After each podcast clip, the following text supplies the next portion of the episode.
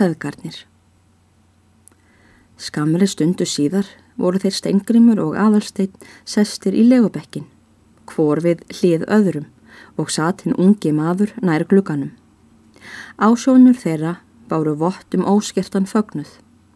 Þeir heldu á ólíumyndinni uppi á borðbrúninni, þannig að aðalsteinn stutti hanna með hægri hendinni en steingrimur með vinstri og reysun þannig við þeim er þeir skoðuðu hanna.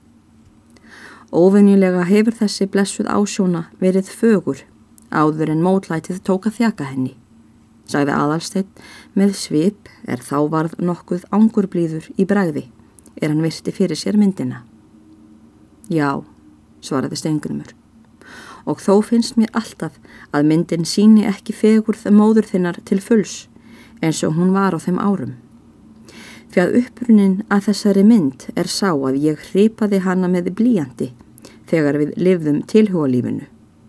Síðan let ég taka þessa ólíumynd eftir blíjandsmyndinni þegar ég var erlendis. Ég held hún hafi þó tekist viðunanlega, svaraði aðalsteinn.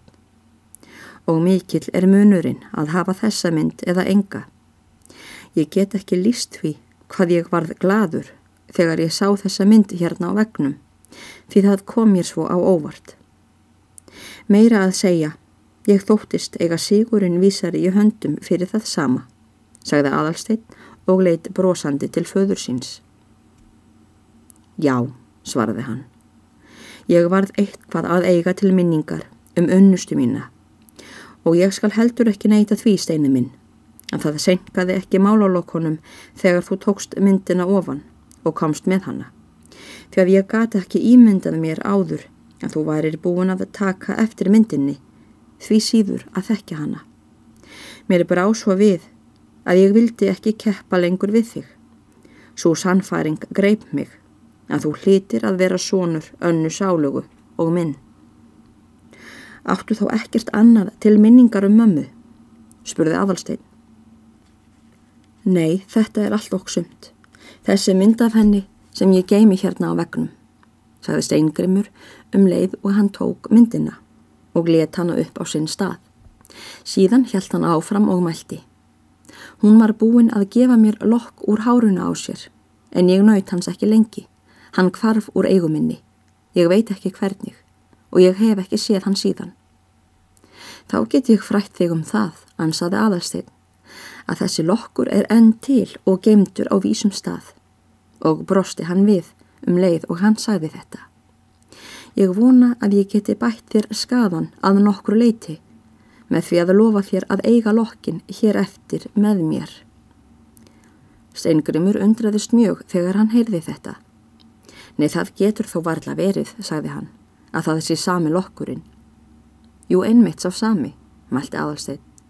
Einmitt sá sem hún fekk heim til sín aftur fyrir rúmum 16 árum, sendan þá í læstu brefi. Hvað segir þau, mælti Sengurmur. Sendan í læstu brefi. Já, hann kom soliðis í hendur hennar á endanum og var skrifað með honum. Lítið var það, en þó dálítið, svaraði aðalstein. Það er annars töluverð saga að segja frá um afdrif þessa hárlokks, en við skulum ekki tala um það nú. Það er liðið og afstæðið og þessi stund er of gleðileg til þess að beiski hana með nokkuri sári endurminning. Heið sanna er að lokkurinn er vís og gemdur í græna kislinum og þar fann ég hann á afmælistægin minn í sumar þegar ég uppkvotfaði lengta hólfið á milli botnana með því sem ég var. En að öðru leiti skrifar móður mín um nokkur atvik viðvíkjandi loknum sem ég skal sína þér allt á sínum tíma. Steingrimur varð nokkuð hugsunarfullur út af þessari frásögn sonar síns og mælti.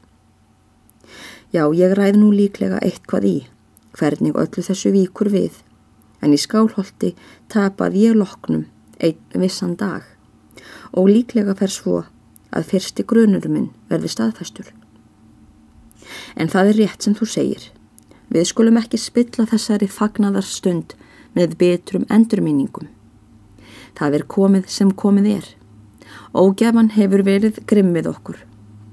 En það er best að við skiptum eftirleiðis með okkur, svo að þú eigir myndina með mér en ég lokkin með þér. Aðalstein kisti nú föður sinn með fagnandi ásjónu og voru nú báðir innilega gladir. Ég vil nú annars fá að heyra aðalatriðin úr æfisögu þinni, sagði Steingrimur til sonar síns. Það er ófært að ég skuli ekkert vita um það hvernig þér hefur liðið.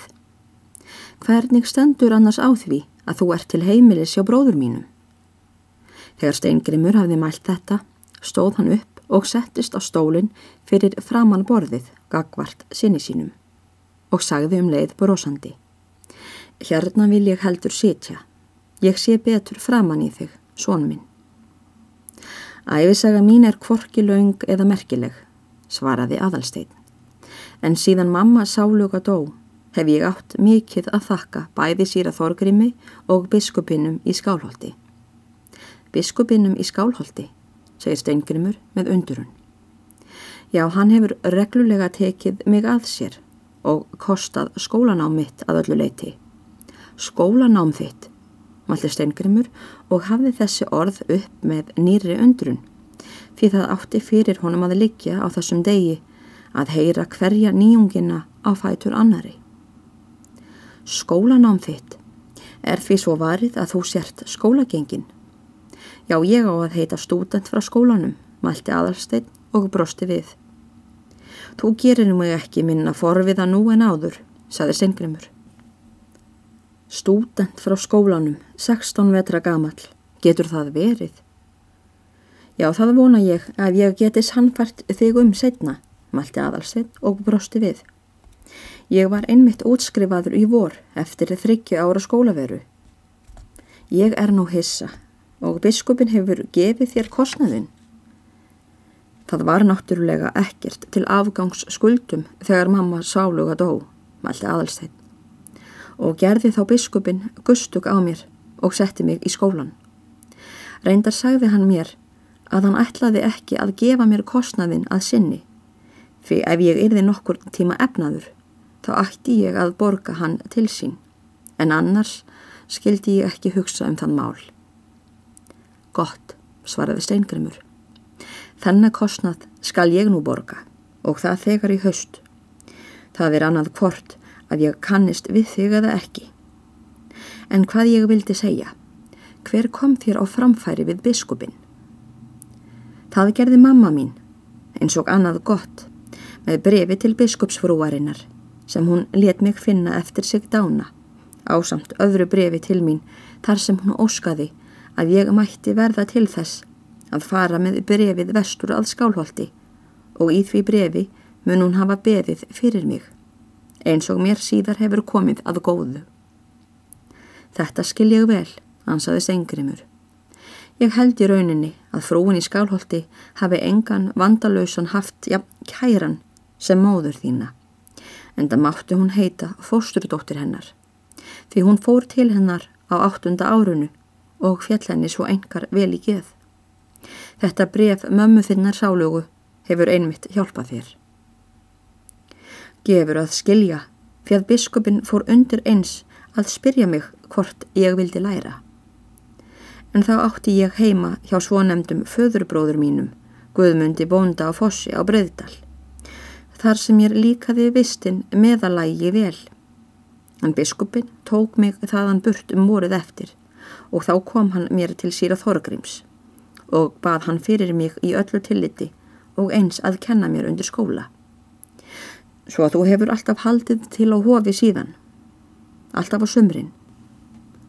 Þau hafa verið mér óvinjulega góð og farið með mig eins og þau ættu mig. Ætli þau hafi nokkuð grunað um frændsemi ykkar? Nei, það fer fjarið því, það getur ekki verið. Þessi guðmundur á fossi er bróðir Sveins heitins og bóndi á fossi. Er það ekki merkilegt allt saman? Malli Steingrimur með undrun. Þú fer frá guðmundi sem þú hyggur vera föðurbróður þinn, en er það ekki til síra Þorgríms sem er föðurbróður þinn, þóttu vitir ekki. Það gæti verið efni í skálsögu, saði Steingrimur brosandi. En nú fer ég þó að skilja að þú gast ekki vel farið að segja síra Þorgrimi hvort þú ætlaðir og hverra erinda áður en þú fórst að heiman. Því þú munt hafa getað séð af skjölum móður þinnar að við erum bræður, hann og ég. Nei, engan veginn, svaraði aðalstein. Ég vissi ekkert um ykkar frændsemi fyrir en ég kom hér inn í stofuna. En þagmælska mín við síra Þorgrím kom að því að mamma sáluga ráðlagði mér í skjölum sínum að tala ekki um leindarmál mitt við nokkurt mann fyrir en ég hefði rekið erindi mitt hér heppilega. Og svo varúðarregla efur einmitt sprottið að því að móður mín sáluga þegar hún skrifaði fyrir fimm árum hefur ímyndað sér eins og hún gat líka að breyting kynni að vera á orðin á þessum tíma. Þú dáin eða farin af landi burt eða eitthvað breytt. Hvernig sem fara kynni hefur henni þótt réttast að ráðleggja mér þetta en það fóri ég að því og þess vegna sagði ég ekki hofsjónunum frá neinu.